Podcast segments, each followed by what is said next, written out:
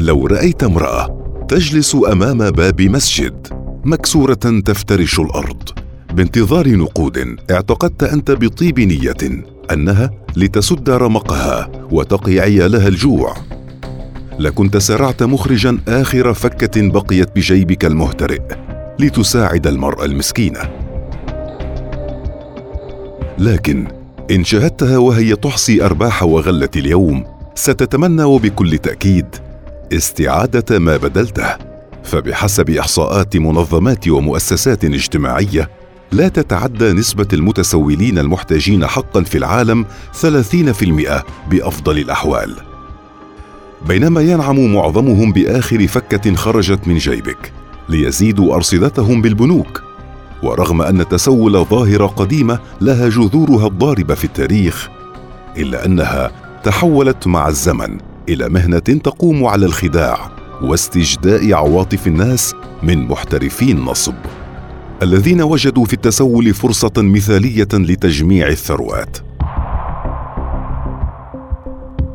ما أظهر على الساحة عشرات الأثرياء من المتسولين فلربما سمعت بأثرياء المتسولين في الغرب ودول أخرى بالعالم.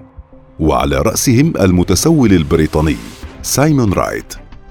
الذي كان يخرج من منزله مرتديا ملابس رديئة ويرافقه كلب بسلسلة ثم يحجز مكانه في أحد الشوارع الأكثر ثراء في لندن.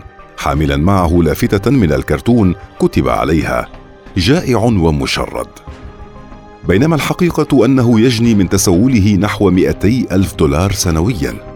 ويمتلك منازل فخمة تحلم بأن تسكن بها ولو لليلة. وثمن أحدها نصف مليون دولار. أما بهارات جين الهندي كان يكسب خمسين ألف روبية هندية في اليوم.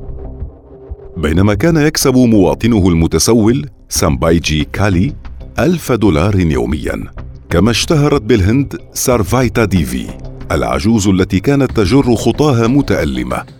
إذ كانت تسكن في كوخ متهالك في وقت كانت تمتلك بيوتا فاخرة. تؤجرها سنويا. وفي الولايات المتحدة اشتهر الممثل إيروين كوي كمتسول هجر الفن ليجمع ملايين الدولارات من التسول بالشوارع. يبدو أن ثراء بعض المتسولين العرب لا يقل فحشا عن زملاء المهنة بدول أخرى خاصة مع تقارير أكدت بالأرقام تنامي ظاهرة التسول بالبلاد العربية.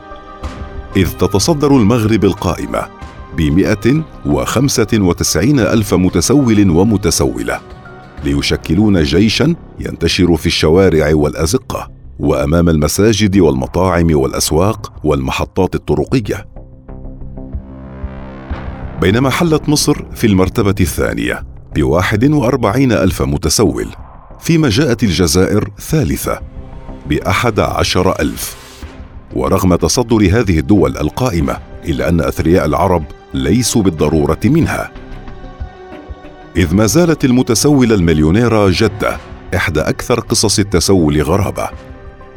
فالمتسولة السعودية الملقبة بالجدة عائشة كانت تعيش في حي البلدة بمدينة جدة حيث أمضت أكثر من نصف قرن من حياتها وهي تتسول.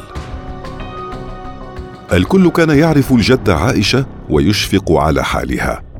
قبل أن تتحول الشفقة إلى غضب وذهول بعد وفاتها.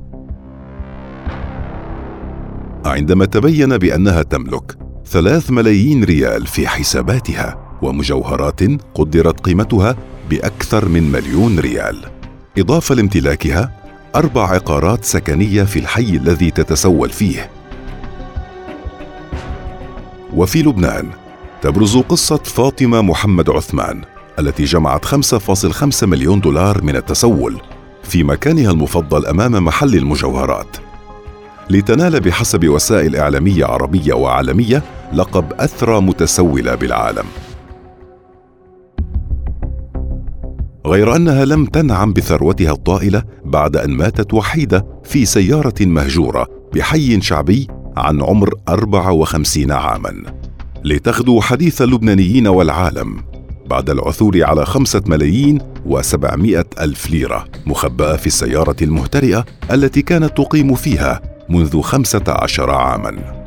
قبل أن يكشف أحد أشهر المصارف أن رصيدها تجاوز 5.5 مليون دولار. ما حدا بشقيقها التي كانت تتسول منه أيضا. رد الصاع لها بعد موتها برفض نقلها إلى المستشفى للانتهاء من الإجراءات توفيرا للنفقات. وفضل نقلها مباشرة إلى مسقط رأسها شمال لبنان لتدفن هناك. وفي مصر تشتهر قصص المتسولين الأغنياء لتغدو ثروات التسول فيها بالجملة وبينها مدينة بني سويف التي عاشت قصة العم كامل. حيث كان يتجول بثياب رثة ويطلب من الناس ما يسد رمقه. فعطف عليه الجميع وبات بركة المدينة. فأغدق الناس عليه العطاء كمتسول فقير قبل أن يكشف أمره بمحض الصدفة عندما رأى أحد أبناء المدينة العم كامل يدخل بنكا في مدينة أخرى. فاعتقد أنه نقل مجال نشاطه بالتسول. وما إن تبعه إلى الداخل حتى فوجئ لاحقا بأنه يملك ما يفوق 3.5 مليون جنيه إضافة إلى عمارتين سكنيتين. حكاية متسول آخر اشتهرت في مصر وهو شحات مترو الأنفاق. إذ لجأ لخدعة ادعاء المرض وكان يجلس على كرسيه المتحرك لاستعطاف الناس. وبحسب الصحافة المصرية فقد كان يجني 700 جنيه يوميا. بينما اشتهر متسول آخر وكان يسمى شحات المنصورة بالاعتماد على المواسم مثل رمضان والأعياد. فكان يجني بحسب تقارير إعلامية أربعون ألف جنيه في الموسم الواحد. بينما تبقى إحدى أغرب قصص التسول في مصر حكاية شحات البورصة. الذي كان يجمع نحو عشرة ألاف جنيه أسبوعيا من التسول. ما حد به التفكير باستثمار ثروته في البورصة ليقدر حجم ما استثمره فيها بأربعمائة ألف جنيه خلال عام واحد قبل أن يتم اكتشاف أمره أيضا بالصدفة. عندما كان مسؤول في شركة الوساطة في الأوراق المالية يقود سيارته في منطقة مصر الجديدة حين فوجئ بأن المتسول الذي يمد يده له ما هو إلا أحد العملاء لدى شركته. وفي اليمن اشتهر المتسول المراهق الذي كان يعيش في محافظة الداير بني مالك شرق جازان وهو لم يكن قد بلغ الثامن عشر بعد. لم يستطع مقاومة إغراء عالم الشهرة والأضواء عندما قرر استعراض أمواله من خلال التقاط صور وهو يكدس حزام المال في حضنه. ما أدى لانفضاح أمره. أما زميله في مهنة التسول ومواطنه الذي اشتهر باليمن باسم متسول السعودية جمع نحو 16 مليون ريال سعودي من خال التسول أمام مساجد السعودية. وقد تم القبض عليه وهو يحاول تهريب ثروته إلى اليمن. وما زالت الجزائر تتذكر الملقب بالمتسول الجامعي وهو شاب جزائري حائز على شهادة جامعية.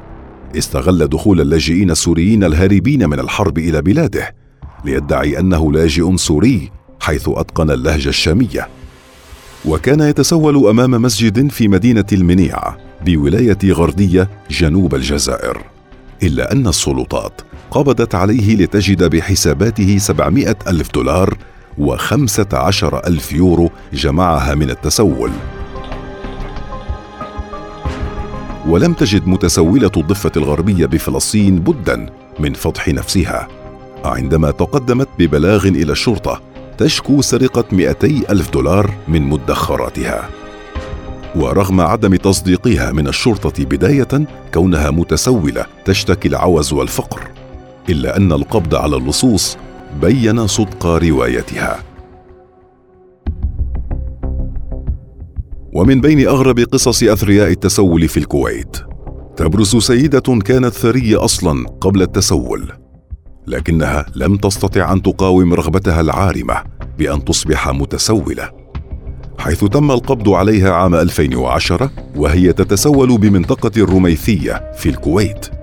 وبعد استدعاء أحد أبنائها تبين أنها صاحبة ثروة كبيرة حتى أنها تتصدق على الفقراء. ليعزو ابنها رغبة أمه الكبيرة بالتسول إلى خلل نفسي. وأنت هل تعرف متسولين عرب؟ دخلوا أندية المليونيرات؟